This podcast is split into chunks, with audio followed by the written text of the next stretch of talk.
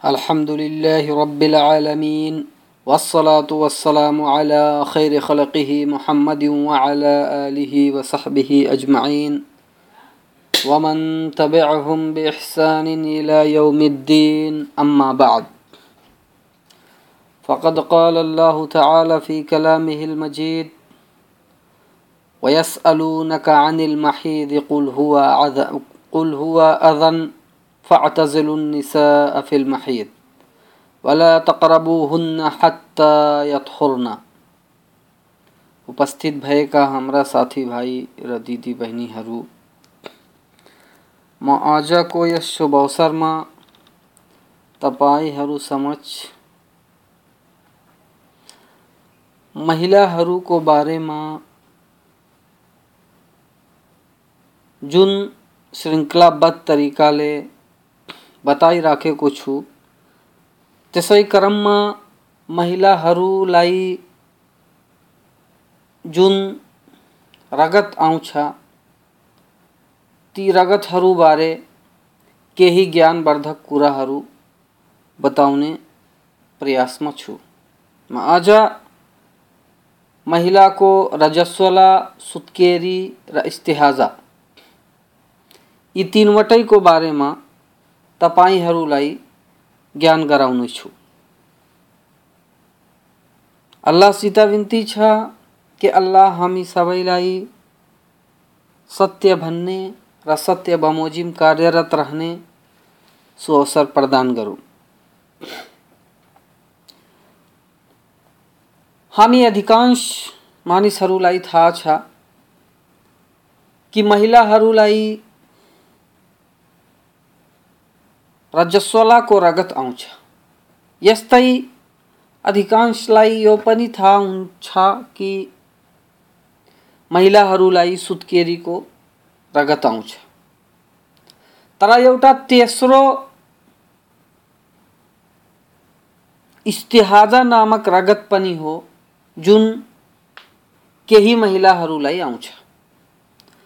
त यी तिनवटै रगतको बारेमा र यसका हुकुमको बारेमा र यससित सम्बन्धित समस्या र निर्देशनहरूको बारेमा म आज तपाईँहरूलाई ज्ञान गराउनेछु। यसले गर्दा मेरो आफ्नो दिदी बहिनीहरूसित अनुरोध छ, जुन मलाई सुनिराखेका छिन्, कि यसलाई ध्यान दिएर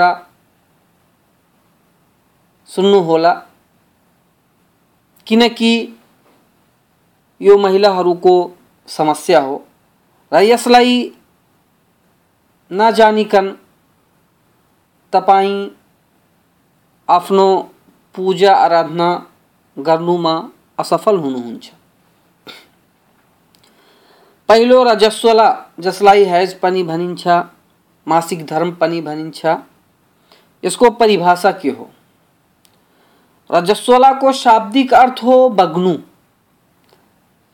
र इस्लामीय विधानमा यसको वैधानिक अर्थ हो यस्तो रगत जुन स्त्रीको गर्भाशयको तल्लो भागबाट निर्धारित समयमा बिना कुनै घाउ र बिरामी प्राकृतिक तौरले निस्कन्छ। र यो एउटा यस्तो प्राकृतिक कुरो हो जसलाई अल्लाहले स्त्रीहरूको लागि विशिष्ट गरिदिएको छ। यसलाई अल्लाह स्त्रीको गर्भाशयमा उत्पन्न गर्छ, जुन कि त्यस गर्भमा भएको शिशुको भोजन हुन्छ, गर्भ भएको समयमा। र शिशु जन्मे पश्चात यो रगत दुधको रूपमा परिवर्तित भइहाल्छ, नवजात शिशुको आहारको लागि। र जब महिला न त गर्भवती हुन्छ, न त दुध खुवाउने वाली रगतको कुनै प्रयोजन हुँदैन। यसले गर्दा यो महिनाको निर्धारित समयहरूमा निस्किहाल्छ, जसलाई हामी रजस्वला मासिक धर्म आदि भन्छौँ रजस्वला आउने उमेर। रजस्वला आउनुको न्यूनतम उमेर नौ वर्ष हो र अधिकांश महिलालाई लगभग पचास वर्षको उमेरसम्म रजस्वला आउँछ। अल्लाह को फरमान छा वल्लाई इसना मिनल महीद मिन निसाइकुम इन अर्थात, तिम्रो तलाक दिइएका स्त्रीहरू, जो मासिक धर्मबाट निराश भइसकेका छिन्, यदि तिमीलाई शङ्का छ भने उनीहरूको इद्दत सोग मनाउने अवधि तिन महिना छ। र जसलाई अझै मासिक धर्म आउन थालेको छैन, उनीहरूको पनि यही नै इद्दत हो। सुरत तलाक, श्लोक नम्बर चार।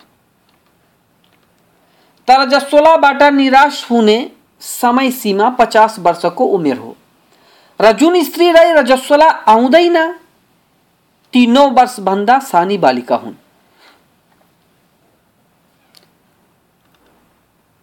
जुन स्त्रीलाई रजस्वला आइरहेको छ त्यसको अघिल्लो गुप्ताङ अर्थात् योनिमा सम्भोग गर्नु हराम छ। यसको अर्थ यो होइन कि त्यसको पछिल्लो गुप्ताङमा सम्भोग गर्न सकिन्छ। यो त अरू हराम छ। जस्तो कि अल्लाहको फरमान छ, वयसअलूनक अनिल महीद कुल हुआ अदन फअतज़िलुन्निसा फिल महीद। पूर्ण आयत। अर्थात तपाईँसित रजस्सलाबारे सोध्छन् भनिदिनुहोस् कि त्यो अपवित्र रगत हो। तसर्थ रजस्वलाको समयमा स्वास्नीबाट अलग रहनु र जसबाट तिनीहरू र जबसम्म तिनीहरू पवित्र हुँदैनन्, तिनको नजिक सम्भोगको लागि नजानु। हो, जब तिनी पवित्र हुन्छन्, तब तिमी उनको नजिक जाऊ, जुन ठाउँमा अल्लाहले तिमीलाई जाने आदेश गरेको छ। सुरतुल बकरा श्लोक सौ बाइस महिलाको योनिमा सम्भोग गर्नुबाट रोक्नुको यो अर्थ कदापि होइन कि त्यो महिलाको गुदामा सम्भोग गर्न सक्छ।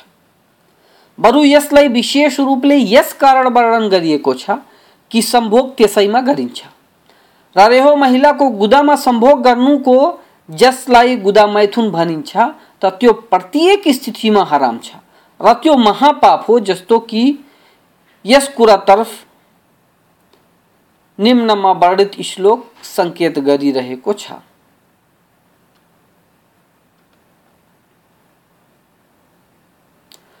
र यो रोग तबसम्मको लागि निरन्तर रहन्छ, जबसम्म रजस्वलाको रगत समाप्त नभइहालोस्। र स्त्री स्नान गरेर पवित्र नभइहालोस्, जस्तो कि अल्लाहको फरमान छ, वला तकरबु हुन्न हत्ता यथोर्न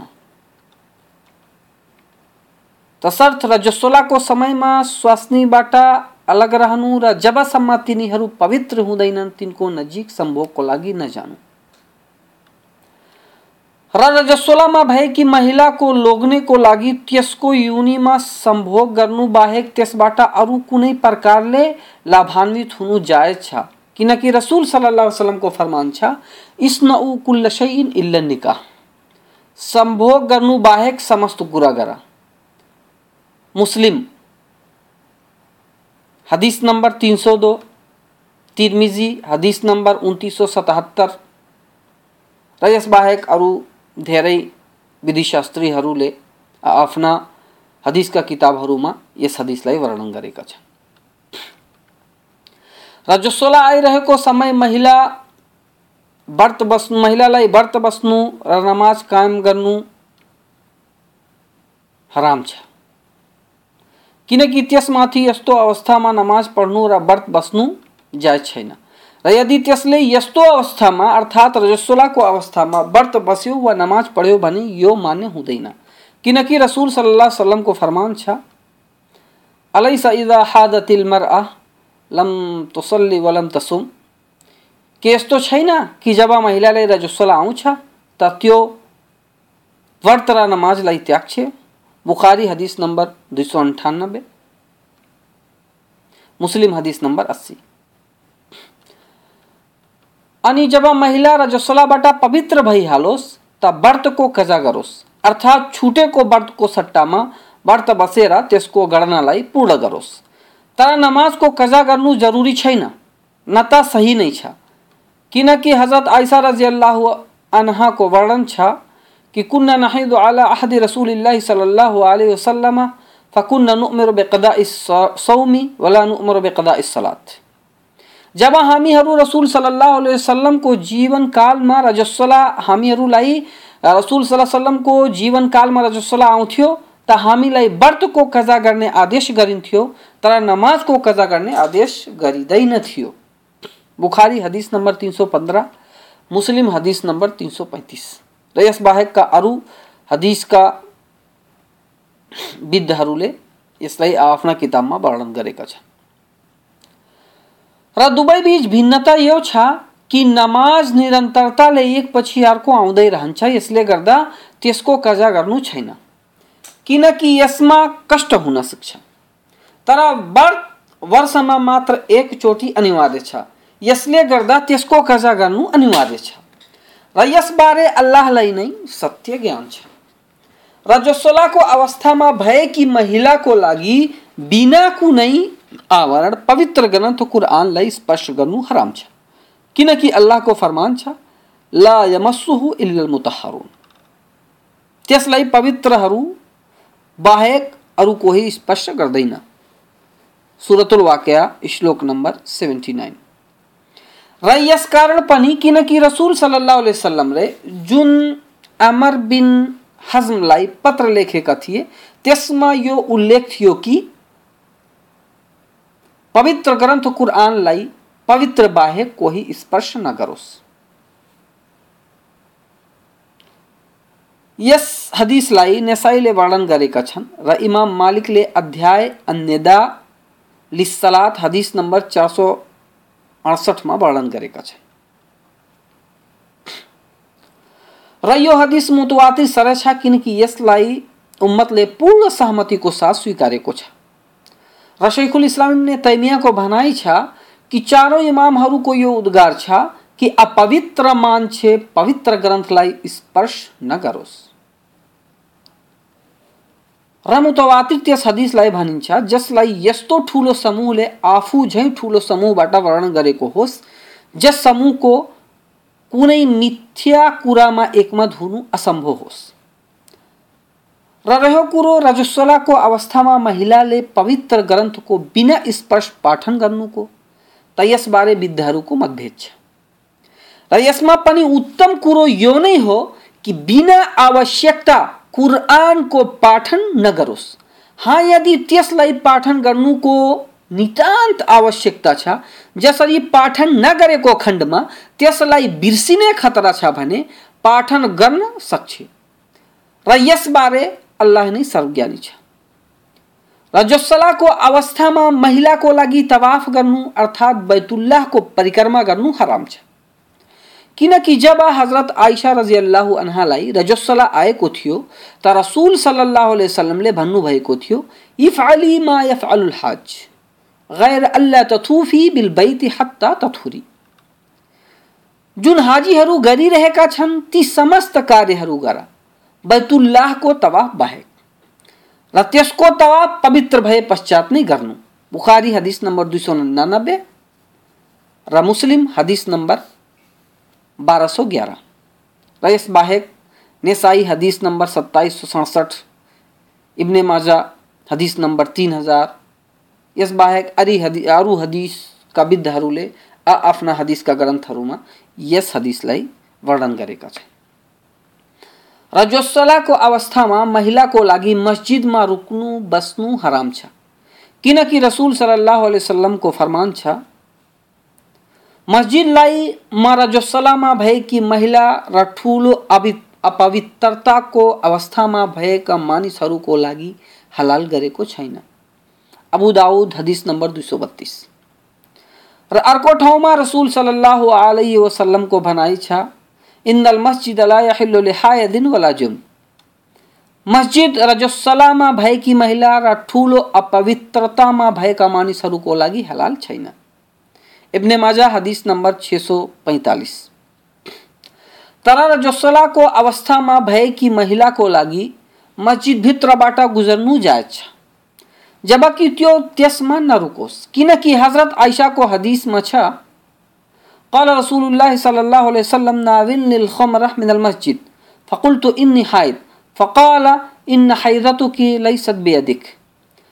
रसूल सल्लाह वसल्लमले मसित भन्नुभयो कि मलाई मस्जिदबाट त्यो रुमाल ल्याइदेऊ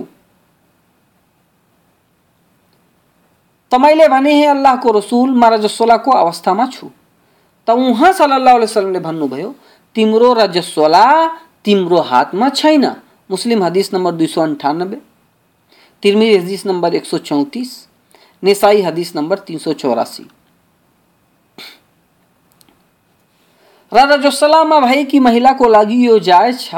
कि त्यो अल्लाहको गुणगान गरोस् र अल्लाहको महानताको बखान गरोस् र दुवाहरू पढोस्, र सुत्ने, जाग्ने दुवाहरू पढोस्, र यसमा पनि कुनै आपत्ति छैन कि विज्ञानका किताबहरू पढोस्, त्यसको अध्ययन गरोस् जसरी तफसिर, विधिशास्त्र र हदिसका पुस्तकहरू। सुफरह र कदरहको बारेमा ज्ञानवर्धक कुरा। सुफरा र कदरा। यो अरबी भाषा को शब्द हो, सुफरा को अर्थ हो, पीप जस्तो पदार्थ जुन पहेलो रङको हुन्छ कदराको अर्थ हो, फोहोर र गन्दा पानी जस्तो पदार्थ। ता जब रजस्वलामा भएकी महिलाको युनिबाट सुफ्रा र कदरा त्यसको रजस्वलाको गणनाका दिनहरूमा निस्कन थालोस्, त त्यसलाई पनि रजस्वलामा नै गनिन्छ।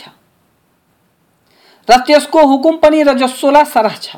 तर यदि त्यो रजस्वलाको गणनाका दिनहरू बाहेक अरू दिनहरूमा निस्कोस् भने, त्यसको कुनै एतबार र महत्व छैन। यसको निष्कासन भए पनि महिला आफूलाई पवित्र बुझोस्।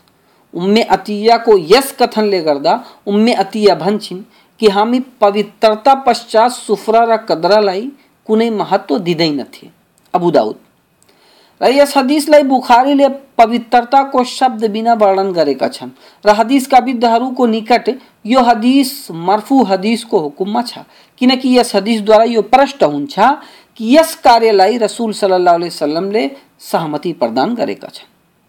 त यस हदिसबाट यो प्रष्ट हुन्छ कि रजस्वलाबाट पवित्र हुनुभन्दा अघि यसलाई रजस्वलामा नै सामेल मानिन्छ।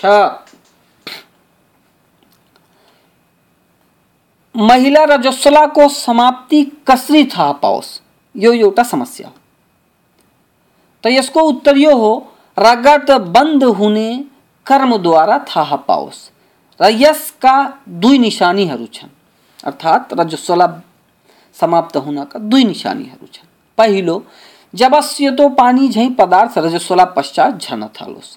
र कदाचित यसको रङ सेतो बाहेक पनि हुन सक्छ। किनकि यसको रङ महिलाहरूको अवस्था र दशाले गर्दा भिन्न हुन्छ। दोस्रो अल र यसको अर्थ हो कि महिला रुई कपडा आदिलाई आफ्नो युनिभित्र हालोस् अनि त्यसलाई निकाल्दा त्यो बिना कुनै परिवर्तन सुक्खा अवस्थामा निस्कोस्। न त त्यसमा रगत लागेको होस्, न त सुफरा र कदरा। रजस्वला सिद्धे पश्चात जुन कुराहरू महिलालाई गर्नुपर्छ जब रजस्वलामा भएकी वा सुत्केरीको अवस्थामा भएकी महिलाको रगत सूर्य अस्ताउनुभन्दा अघि नै सिद्धिन्छ भने महिलाको लागि यो अनिवार्य छ कि रगत बंद भए पश्चात त्यो पवित्रताको नियतले पानीद्वारा स्नान गरोस् र यो स्नान पूर्ण शरीरलाई सामेल होस्, जस्तो कि रसुल सल्लल्लाहु अलैहि वसल्लमको फरमान छ। फ़ैदा अकबलत हैदतुके फदइस सलात वइदा अदबरत फक्तसली वसल्ली जब तिमीले रजस्वलाको रगत आउन थालोस् त नमाजलाई परित्याग गरिदेऊ र जब रगत बंद भइहालोस् त स्नान गरेर नमाजको आयोजना गर बुखारी हदिस नम्बर तिन सौ चौध मुस्लिम हदिस नम्बर तिन सौ तैतिस स्नान गर्ने तरिका यो हो कि महिला अपवित्रता हटाउने वा नमाजको लागि पवित्रता ग्रहण गर्ने नियत गरोस्। अनि बिस्मिल्लाह भनोस्। अनि आफ्नो पूर्ण शरीरमाथि पानी हालोस् र कपालको जरालाई पनि पानीले भिजाओस्। र त्यसमाथि यो आवश्यक छैन कि केशको चोटीलाई फुकालोस्। यदि चोटी बाँधेको होस्, बरु पानीले भिजाउनु नै पर्याप्त छ। र यदि बैरीको पात वा अरू कुनै पवित्रता र स्वच्छता प्रदान गर्ने वस्तु पानीमा मिश्रित गरेर स्नान गरोस् भने अति उत्तम हुन्छ। जसरी डिटोल आदि। र यो पनि उत्तम छ कि स्नान गरे पश्चात रुईमा कुनै सुगन्ध लगाएर आफ्नो योनिमा राखोस्। किनकि रसुल सल्लाह वसलमले हज़रत अस्मालाई यसको आदेश गर्नुभएको थियो। यस्तो हदिस मुस्लिममा छ। त यदि महिला सूर्य अस्ताउनुभन्दा अघि नै पवित्र भइहालेको छ भने, यस दिनको जोहर र असर नमाज़ पढ्नु जरुरी छ।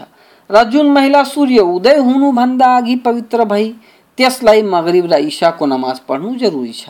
किनकि पहिलो नमाजको समय बाध्यताको अवस्थामा दोस्रो नमाजको समय सिद्धिनुसम्म रहन्छ। अर्थात् कुनै कारण वा बाध्यताले यदि जुहरको नमाज़ छुट्यो भने असरको समयमा पनि त्यसलाई पढ्न सकिन्छ। शेखुल इस्लाम तैमिया रहमुल्ला फतावाको भाग बाइस, चार सौ चौतिस पेजमा भन्नुहुन्छ, र यसै कारण अधिकांश विद्धहरू जसरी इमाम मालिक, इमाम नेसाई र इमाम अहमद भन्छन् कि जब र जसोलामा भएकी महिला दिनको अन्तिम भागमा पवित्र भइहालोस्, त त्यो जुहर र असरको नमाज़ पढोस्। यदि रात्रिको अन्तिम भागमा पवित्र भयो भने मगरिब र इशाको नमाज़ पढोस्। जस्तो कि यो कुरो नै हज़रत अब्दुल रहमान बिन औफ र अबु हुरैरा योम इब्ने अब्बासबाट पनि वर्णित छ। किनकि कुनै कारण वा बाध्यताले गर्दा दुवै नमाजको समय एउटै भइहाल्छ। यसर्थ जब त्यो महिला दिनको अन्तिम भागमा पवित्र भई तै पनि त्यसको लागि जुहरको समय बाँकी नै छ। यसर्थ जुहरलाई असरभन्दा अघि पढोस् र यस्तै अन्तिम रात्रिको समय पवित्र भएको अवस्थामा त्यसको लागि मगरिबको समय बाँकी नै छ। बाध्यता हुनुको कारण। यसर्थ त्यो मगरिबलाई ईशाभन्दा पहिला पढोस्। र यदि कुनै नमाजको समय भइसकेको छ अनि त्यस समयको नमाज़ पढ्नुभन्दा अघि नै रजस्वला आयो, त यस समस्यामा सत्य कुरो यो नै हो कि त्यस नमाजको कजा गर्नु महिलामाथि अनिवार्य छैन, जस समयमा महिलालाई रजस्वला अथवा प्रसुतिको रगत आएको छ। शेखुल इस्लाम ने तैमिया मजमू फतावा को भाग तेईस पेज नंबर 335 में यस सन्दर्भमा भनेका छन्, यस समस्यामा इमाम मालिक र इमाम अबु हनिफाको उद्गार नै सर्वोत्तम छ, कि त्यस महिलामाथि केही गर्नु छैन, अर्थात् त्यस नमाजको कजा गर्नु छैन। किनकि कजाको हुकुम गर्नुको लागि कुनै अर्को नौलो निर्देशन चाहियो जुन यस समस्यामा छैन। जस बमोजिम त्यसलाई कजा गर्ने आदेश गरियोस्। र त्यस महिलाले नमाजलाई जायज भएको समयसम्मको लागि विलम्बित गरेको थियो। यसर्थ त्यसले आफ्नो दायित्वको निर्वाहनमा कुनै कोताही गरेको छैन। र रह्यो कुरो सुतेको मान्छे र बिर्सेको मान्छेको कुरो त यद्यपि यिनीहरूले पनि आफ्नो दायित्वको निर्वाहनमा कुनै कोताही गरेका छैनन्। त यसै कारण उनीहरूले पढेको नमाज़, अर्थात् अज्ञातले ज्ञान भए पश्चात र सुतेको मानिसले जागे पश्चात जुन नमाज़ पढ्छ, त्यो आधा हुन्छ कजा हुँदैन। अर्थात् असल नमाज़ मानिन्छ, कजाको नमाज़ मानिँदैन। अब इस्तिहाजा। दोस्रो रगत जुन महिलाहरूको विशिष्ट रगत हो इस्तिहाजा। इस्तिहाज़ा को परिभाषा। आजिल नामक नासाबाट बिना समय रगतको बगान। र मुस्तहाजा इस्तिहाजाको रगत आइरहेको महिलालाई भनिन्छ। त मुस्तहाजाको समस्या अति जटिल र ठुलो समस्याहरूमध्येको हो। रजस्वला अनुरूप हुनुको कारण यसर्थ यदि रगत महिला महिलाको योनिबाट निरन्तरताले बगिरहन्छ वा अधिकांश समय बगिरहन्छ भने महिला रजस्वला र इस्तिहाजाको रगतमा कसरी फरक गरोस्? र कसरी त्यो नमाज़ व्रतको आयोजना गरोस्? किनकि इस्तिहाजाको रगत आइरहेको बेलामा महिला पवित्रताको अवस्थाको हुकुममा हुन्छ। यसले गर्दा मुस्तहाजा महिलाको तीन अवस्थाहरू बाँडित छन् पहिलो अवस्था यो कि इस्तिहाजाको रगत आउनुभन्दा अघि त्यस महिलाको रजस्वला आउने समय निर्धारित थियो। अर्थात् निर्धारित समयमा रजस्वला आउँथ्यो। जसरी पाँच दिन रजस्वला आउँथ्यो वा आठ दिन महिनाको आरंभ वा बिच वा अन्तिम दिनहरूमा आउँथ्यो। अर्थात् त्यसलाई र जोसलको दिनको सङ्ख्या र समयको पूर्णतया ज्ञान थियो। त यस्तो अवस्थामा महिला ती दिनहरूमा जसमा त्यसलाई र जोसला आउँथ्यो, नमाज़ व्रतलाई परित्याग गर्छे र यस समय त्यसमाथि रजस्वलाको हुकुम लागू हुन्छ। अनि जब त्यो अवधि समाप्त भइहालोस्, त महिला स्नान गरेर नमाज़ व्रतको आयोजना गरोस्। र त्यस पश्चात आउने रगतलाई इस्तिहाजाको रगत मानोस्। किनकि हज़रत उम्मे हबीबा रजियल्लाहु अन्हासित रसुल सल्लल्लाहु अलैहि वसल्लमले भन्नुभएको थियो कि तिमी त्यति दिन नमाजबाट रोकिराख, जति दिन तिमीलाई रजस्वला आउँथ्यो, अनि स्नान गरेर नमाजको आयोजना गर। यस हदिसलाई मुस्लिमले रिवायत गर्नुभएको छ, हदिस नम्बर तिन सौ चौतिस, अबु दाउद हदिस नम्बर दुई सौ दुई सौ उनहत्तर, र निसाई हदिस नम्बर दुई सौ सात। र अहमद भाग छ पेज दुई सौ बाईस र रसुल सल्लाहले फातिमा बिन्ते अबी हुबैससित भन्नुभयो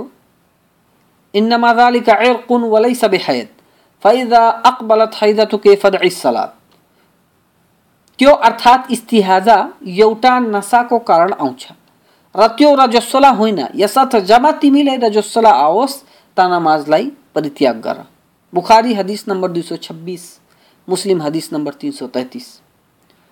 दोस्रो अवस्था। यो कि यस्तो अवस्था होस् कि त्यसको रजस्वला आउने निर्धारित दिन र समय थाहा नहोस्।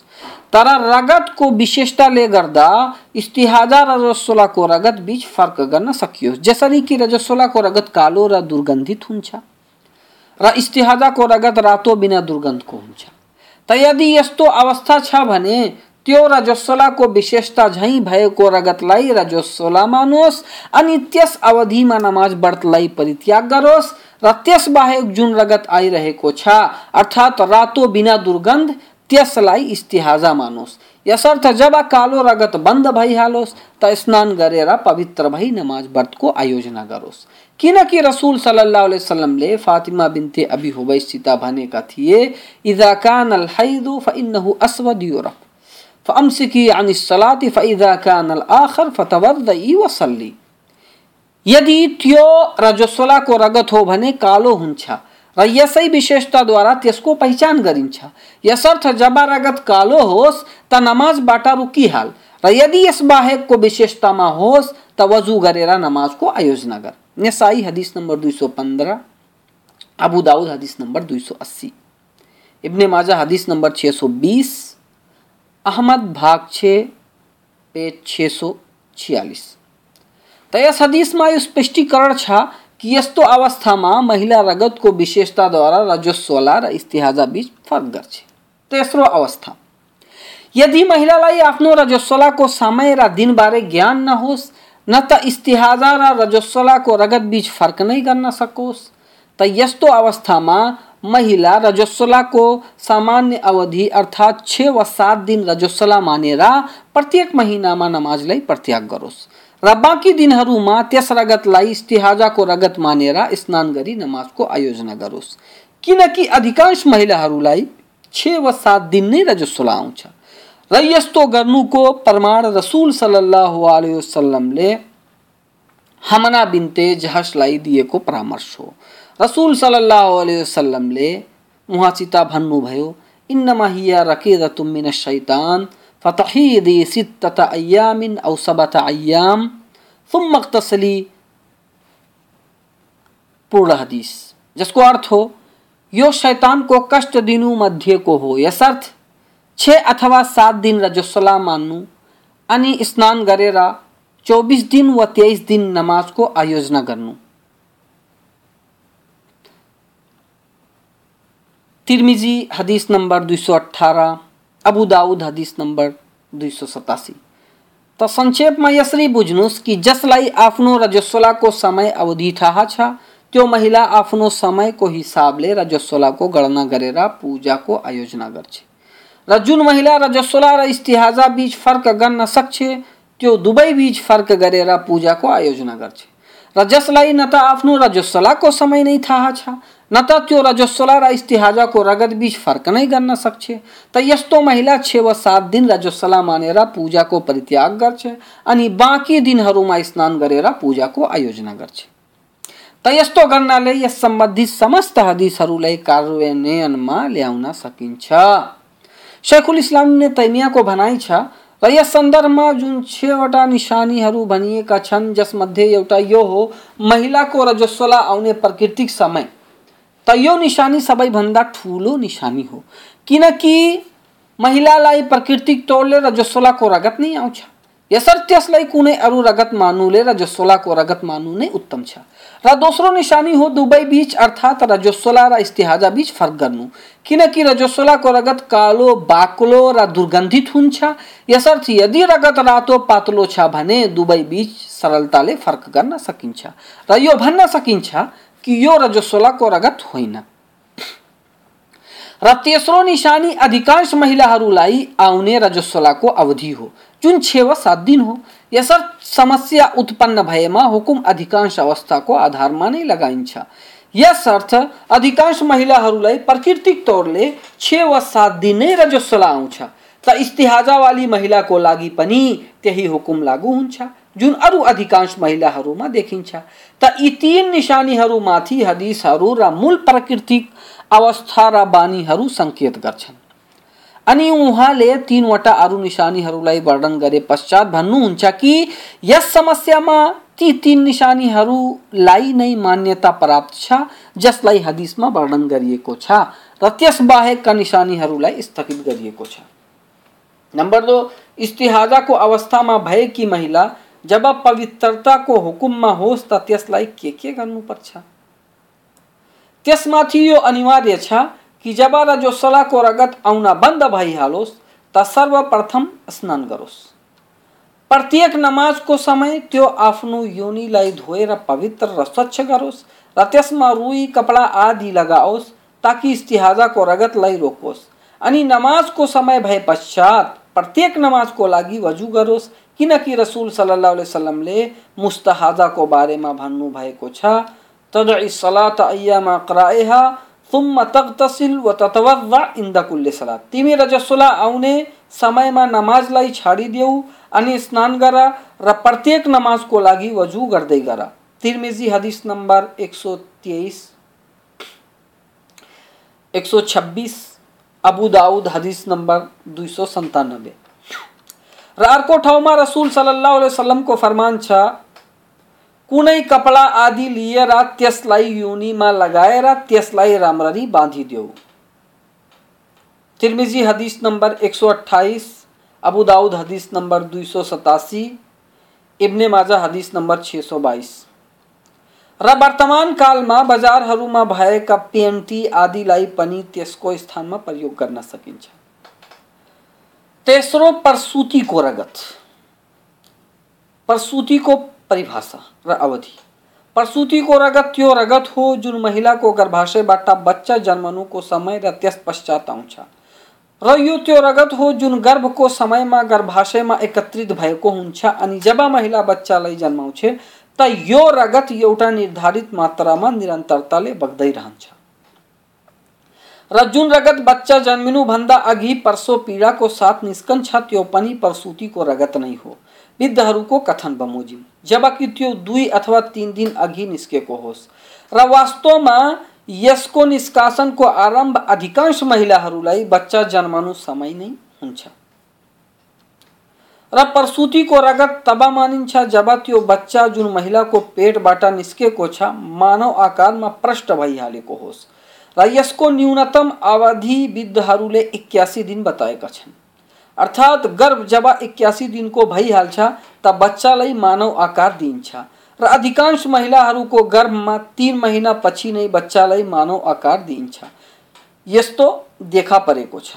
यसर्थ यदि यस अवधिभन्दा अघि नै महिलाको गर्भाशयबाट केही खस्छ र त्यसको साथमा रगत निस्कन्छ त यसलाई प्रसुतिको रगत मानिँदैन न त यसको कारण महिला नमाज़ अथवा व्रतलाई त्याग्छ। किनकि यो विकारयुक्त र बिरामीको कारणले आइरहेको रगत हो। यसर्थ यस रगतको हुकुम इस्तिहाजाको हुकुम झैँ छ र सुत्केरीको अधिकतम अवधि चालिस दिन हो। परसो पीडादेखि वा त्यसभन्दा एक दुई दिन अघिदेखि जस्तो कि यस अवस्थाको वर्णन अघि नै गरियो र हज़रत उम्मे सलमा को हदीस में अच्छा कानतिन नफसा तजलिसु अला अहदी रसूलिल्लाह सल्लल्लाहु अलैहि वसल्लम 40 यौमन। रसूल सल्लल्लाहु अलैहि वसल्लम को जीवन काल में महिलाहरू प्रसूति प्रसूतिको रगतले गर्दा 40 दिन बस्थिन्। अर्थात नमाज़ व्रत त्याग्थिन् 40 दिन। तिरमिजी हदीस नंबर एक सौ उनतालीस, अबू दाऊद हदीस नंबर तीन सौ बारह, इब्ने माजा हदीस नंबर छ सौ अड़चालीस। र यसै कुरामा समस्त विद्धहरूको एकमत छ जस्तो कि इमाम तिर्मिजीले आदि, इमाम तिर्मिजी आदिले वर्णन गरेका छन्। र यदि चालिस दिनभन्दा अघि नै रगत बंद भयो भने, जहिले पनि रगत बंद भइहालोस् महिला त्यसै समय स्नान गरेर नमाज़ व्रतको आयोजना गरोस्। किनकि सुत्केरीको रगतको न्यूनतम अवधि निर्धारित छैन। र यदि चालिस दिन पूर्ण भए पश्चात पनि रगत बंद भएन भने यदि त्यसको रजस्वलाको समय हो भने त्यसलाई रजस्वला मानेर, त्यसको गन्तीलाई पूर्ण गरी स्नान गरेर नमाजको आरंभ गरोस्। तर यदि त्यसको रजस्वलाको समय भएको छैन भने, चालिस दिनभन्दा अधिक आउने रगतलाई इस्तिहादाको रगत मानिन्छ। यसर्थ यस रगतको कारण त्यो आफ्नो पूजा पाठको परित्याग गर्दैन, बरु स्नान गरेर नमाजको आयोजना गर्छ। तर यदि चालिस दिनभन्दा अधिक रगत त आयो, तर त्यो निरन्तर रहेन। न त रजस्वलाको समय नै भएको छ। त यस्तो अवस्थामा यसको हुकुमको बारेमा विद्धहरूको मतभेद छ। प्रसुतिको रगतसित संलग्न समस्या र निर्देशनहरू।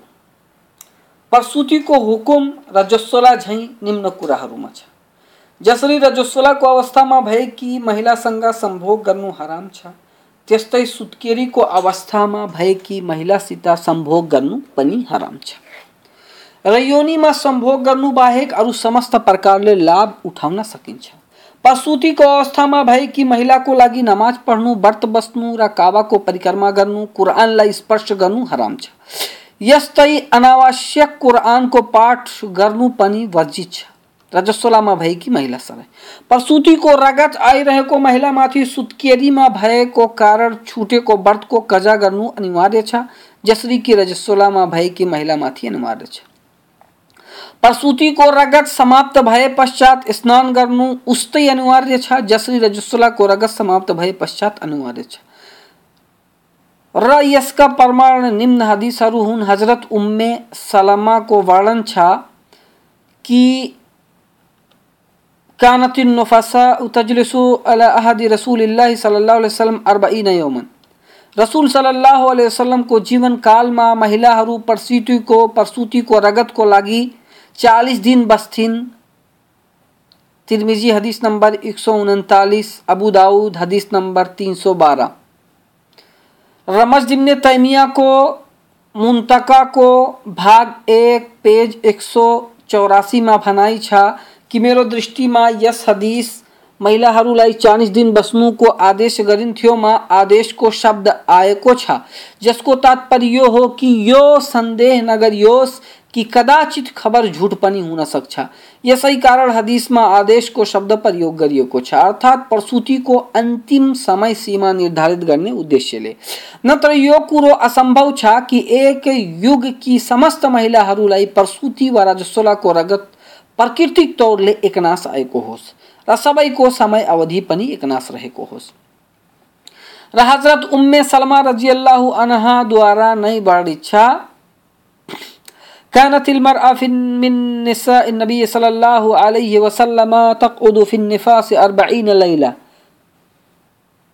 नबी सल्लल्लाहु अलैहि वसल्लम की स्वास्नीहरू प्रसूति को रगत को कारण 40 रात्रि बस थी ला यमरहन नबी सल्लल्लाहु बिकदा सलातिन निफास। रयस अवधि का नमाजहरूको कजाको आदेश रसूल सल्लल्लाहु अलैहि वसल्लम उनीहरूलाई दिँदैन थिए। अबू दाऊद हदीस नंबर 312 जब आ महिला को प्रसूति को रगत चालीस दिन भन्दा बंद बंद भइहालोस् त त्यो के के गरोस् जब प्रसूतिको अवस्थामा भएकी महिलाको रगत चालिस दिनभन्दा अघि नै समाप्त भइहालोस् अनि महिलाले स्नान गरेर नमाज़ र पूजाको आयोजना गर्न थालोस्, अनि चालिस दिनको अवधिको भित्र पुनः त्यसलाई रगत आउन थालोस्। त यस्तो अवस्थामा सत्य कथन अनुसार यस रगतलाई प्रसुतिको रगत नै मानिन्छ। यसर्थ महिलाले रगत हेरेमा नमाज़ व्रतलाई त्यागिहाल्छ र जुन नमाज़ र व्रतको आयोजना त्यसले रगत बंद भएको अवधिमा अर्थात् पवित्रताको पवित्रताको अवस्थामा गरेको छ, त्यो पूर्णतया मान्य छ त्यसको कजा गर्नु आवश्यक छैन हेर्नुहोस् शेख मोहम्मद बिन इब्राहिमको फतावा सङ्ग्रह भाग दुई पेज एक सौ दो तर उहाँले उक्त फतवामा यो पनि भनेका छन् कि त्यसलाई व्रतको कजा गर्नुपर्छ तर उहाँको यो कुरा भ्रमपूर्ण छ किनकि उहाँको भनाइको अर्थ त्यो व्रतको कजा गर्नु हो जसलाई त्यसले पवित्रताको अवस्थामा बसेको छ वा पुनः रगत आएको समय छाडेको व्रतको कजाको बारेमा यो भनेका छन्। यसलाई प्रष्ट पारेका छैनन्। र यस्तै कुरा शेख अब्दुल अजिज बिन बाज रहमहुल्ला अलैको फतावामा पनि उल्लेख छ, जस फतावालाई मुजल्लतु मुजल्लतु दावाले एक फोर फोर नाइनमा प्रकाशित गरेको थियो। र यस्तै इब्ने कासिम अला शरहिजादको भाग एक पेज चार सौ पाँचमा पनि वर्णित छ। यस्तै रिसालतु फिद्दमा तबिया लिनिसाको पेज नम्बर पचपन र पनि वर्णित जसको लेखक मोहम्मद बिन स्वालेहज्यू हुनुहुन्छ यस्तै फतावा असादियाको पेज नम्बर एक सौ सैतिसमा पनि यो कुरो स्पष्ट पारिएको छ। प्रसूतिको रगतको कारण नवजात को जन्म हो जबकि इस्तिहाजाको रगत संयोगवश आउँछ रज रजस्वलाको रगत, र रजस्वलाको रगत नै मूल प्राकृतिक रगत हो। शेख अब्दुल रहमान असादीको भनाइ छ कि अघि वर्णित कुराहरूबाट यो प्रष्ट भयो कि प्रसुतिको रगत शिशु जन्मनुको कारण आउँछ र इस्तिहादाको रगतको कारण संयोग वा बिरामी आदि हुन्छ र रजस्वलाको रगत नै मूल र असली रगत हो।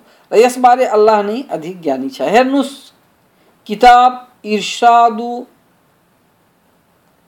उलिल अब्सारी वल अलबाब, पेज नंबर चौबीस। हाम्रो समाजमा प्रचलित ती औषधिहरू, जसलाई खाएर आफ्नो रजस्वला रोक्छिन् यसको के हुकुम छ? महिलाको लागि यस कुरामा कुनै आपत्ति छैन कि त्यो रजस्वलालाई रोक्नुको लागि औषधिको सेवन गरोस्। जबकि त्यसबाट त्यसलाई कुनै हानि नोक्सानी नहोस्। यसर्थ जब त्यसले औषधि खायो र रजस्वला आउन बंद भयो, त त्यसलाई यो आवश्यक छ कि नियमित नमाज़ र व्रतको आयोजना गरोस् र काबाको परिक्रमा पनि गरोस् र यस्ता कार्यहरू गर्नु त्यससित उस्तै मान्य छ, जसरी अरू पवित्र स्त्रीहरूसित मान्य हुन्छ। गर्भपातको हुकुम। हे आस्थावान महिलाहरू, हे हाम्रा दिदी बहिनीहरू, तिमी धरोहरी हौ त्यस ज्यानको जसलाई अल्लाहले तिम्रो गर्भाशयमा उत्पाद गरेको छ। यसर्थ तिमी आफ्नो गर्भ अवस्थालाई नलुकाऊ। अल्लाहको फरमान छ, तिनीहरूका लागि यो इजाज़त छैन कि जे तिनको गर्भमा अल्लाहले सृष्टि गरेको छ, त्यसलाई लुकाउन्। यदि तिनीहरूको अल्लाह र क्यामतको दिनमाथि आस्था छ। सुरतुल बकरा, श्लोक नम्बर दुई सौ अठाइस र आफ्नो गर्भपातका उपायहरू नखोजुन् किनकि अल्लाहले तिमीहरूलाई रमजानको महिनामा पनि खानफान गर्नुको अनुमति दिएको छ। यस्तो अवस्थामा जब व्रत बस्नु तिम्रो लागि कष्टदायक होस्। गर्भको कारण वा व्रत तिम्रो गर्भमा भएको बच्चाको लागि हानिकारक होस्। र वर्तमान कालमा जुन गर्भपातका क्रियाकलापहरू प्रचलित छन्, समस्त हराम कार्य हुन्। र यदि गर्भाशयमा भएको बच्चाको शरीरमा प्राण हालिए पश्चात गर्भपात गराइयो भने त्यो ज्यान मार्नु सरह छ, जसबाट अल्लाहले रोकेका छ, रोकेको छ। र यस्तो कुकर्म गरेमा मान्छेमाथि अपराधी सरह हुकुम लागू हुनेछ। अर्थात् त्यसलाई त्यसको क्षतिपूर्ति दिनुपर्छ, त्यस गर्भको स्टेजको आधारमा। र केही विद्धहरूको विचारमा त यस्तो गर्नु मान्छेमाथि कफारा दिनु, क्षतिपूर्ति दिनु अनिवार्य भइहाल्छ जुन कि एक दास मुक्त गर्नु हो र जससित दास छैन, त्यसलाई दुई महिनाको निरन्तर व्रत बस्नुपर्छ र केही विधहरू त यसलाई सानो हत्याको नाम दिएका छन्। र शेख मोहम्मद बिन इब्राहिम रहमुल्ला आफ्नो फतावा संग्रह को भाग ग्यारह, पेज एक सौ इक्यावन में भन्छन् र रह्यो कुरो गर्भपात गर्नु को प्रयास को तैयो जायज़ छैन। जबसम्म यो प्रमाणित नभइहालोस् कि गर्भ में गर्भमा भएको बच्चाको मृत्यु भइसकेको छ। यसर्थ यदि त्यसको मृत्यु भई भइसकेको कुरो प्रमाणित भइहालोस् भने यस्तो अवस्थामा गर्भपात गर्नु जायज़ छ। र सौदीका ठुल्ठला विद्धहरूको कमिटीको तारिक बिस, महीना छ चौदह हिजरीमा बसेको बैठकको करार नम्बर एक सौ चालिस अंतर्गत निम्न कुराहरूलाई पारित गरिएको थियो। एक, बिना वैधानिक कारण गर्भको कुनै पनि स्टेजमा गतपात गराउनु हराम छ र गर्भपात सम्बन्धी वैधानिक कारणहरूको सीमा अति सङ्कुचित था नम्बर दो, जब गर्भ पहिलो स्टेजमा होस् अर्थात् चालिस दिनभित्रको अवधिमा होस् त यस्तो अवस्थामा यदि अरू बच्चाहरूको राम्रो शिक्षा दीक्षा गर्ने उद्देश्यले वा यस कारण कि त्यो आफ्नो बच्चाहरूको पालन पोषण राम्ररी गर्न सक्दैन वा तिनीहरूलाई राम्रो भविष्य दिन सक्दैन वा जति वा जति सन्तानहरू त्यससित छन्, त्यतिमा पुग्छ, त्यति पर्याप्त छन्, यस्तो धारणाहरूको साथ गर्भपात गराउँछ भने यस्तो गर्नु जायज़ छैन। नंबर तीन, जब गर्भमा भएको भ्रूण अथवा मासु को डल्लो अलका र मुजगाको आकारमा होस् त त्यसको गर्भपात गर्नु जायज़ छैन। यस अवस्था बाहेक कि कुनै विश्वसनीय चिकित्सक यो भनोस् कि यस गर्भलाई निरन्तरता दिएमा त्यसको आमाको ज्यान जाने खतरा छ। त यस्तो अवस्था वा परिस्थितिमा गर्भपात गराउनु जायज़ भइहाल्छ, जब त्यसको अरू कुनै विकल्प नबचोस्। नम्बर चार गर्भ को तेसरो स्टेज पश्चात, अर्थात चार महीना पश्चात गर्भपात तबसम्म गराउन सकिन्न जबसम्म चिकित्सकहरूको विश्वसनीय समूहले यस कुराको पुष्टि नगरिदियोस् कि गर्भपात नगराएमा त्यसको आमाको ज्यान जाने खतरा छ गर्भपात बाहेक अरू कुनै विकल्प बाँकी नबचेको होस्। त यस्तो अवस्थामा त्यसलाई गर्भपातको अनुमति छ। सानोभन्दा ठुलो घातक कुरालाई हटाउने उद्देश्यले र दुई भलाइ मध्ये अत्याधिक लाभदायक कुराको प्राप्तिको उद्देश्यले। त ठुलो विद्धहरूको समितिले यसबारे जुन कुराहरू पारित गरेका छन्, त्यसलाई तपाईँहरूले हेर्नुभयो। यसर्थ तपाईँहरूलाई यो उपदेश छ कि यस समस्यामा अल्लाहसित डर मान्नुहोस् र सुमार्गमा सुदृढ रहनुहोस् र अल्लाह नै यसको अवसर प्रदान गर्नेवाला छ। र अल्लाहको शान्ति अवतरित होस् हाम्रो नबी मोहम्मद अलैहि वसल्लममाथि र महिलाहरूको प्राकृतिक रगत नामक पत्रिकामा शेख मोहम्मद बिन उसैमिनको भनाइ छ, यदि गर्भपातबाट उद्देश्य त्यसलाई नष्ट गर्नुहोस् त यदि यो कर्म त्यसमा आत्मा हालिए पश्चात गरिएको छ भने यस्तो गर्नु बिना कुनै सन्देह हराम छ। किनकि यो अकारण ज्यान मार्नु हो। र यस्तो ज्यानलाई नष्ट गर्नु हो, जसको हत्या गर्नु कुरान र हदिस यो सर्वसहमतिबाट प्रमाणित छ। र इमाम इब्नुल जौजी अहकामुन निसा नामक किताबको पेज नम्बर एक सौ आठ र एक सौ नौमा आफ्नो उद्गार यसरी प्रकट गर्छन् कि जब विवाहको उद्देश्यहरूमध्ये सन्तानको प्राप्ति पनि हो र प्रत्येक वीर्यको थोपाबाट सन्तानको उत्पाद हुँदैन, यसर्थ जब गर्भधारण भयो त उद्देश्य पूर्ण भयो। यसर्थ यसलाई पतन गर्नु उद्देश्य विरुद्ध कार्य हो।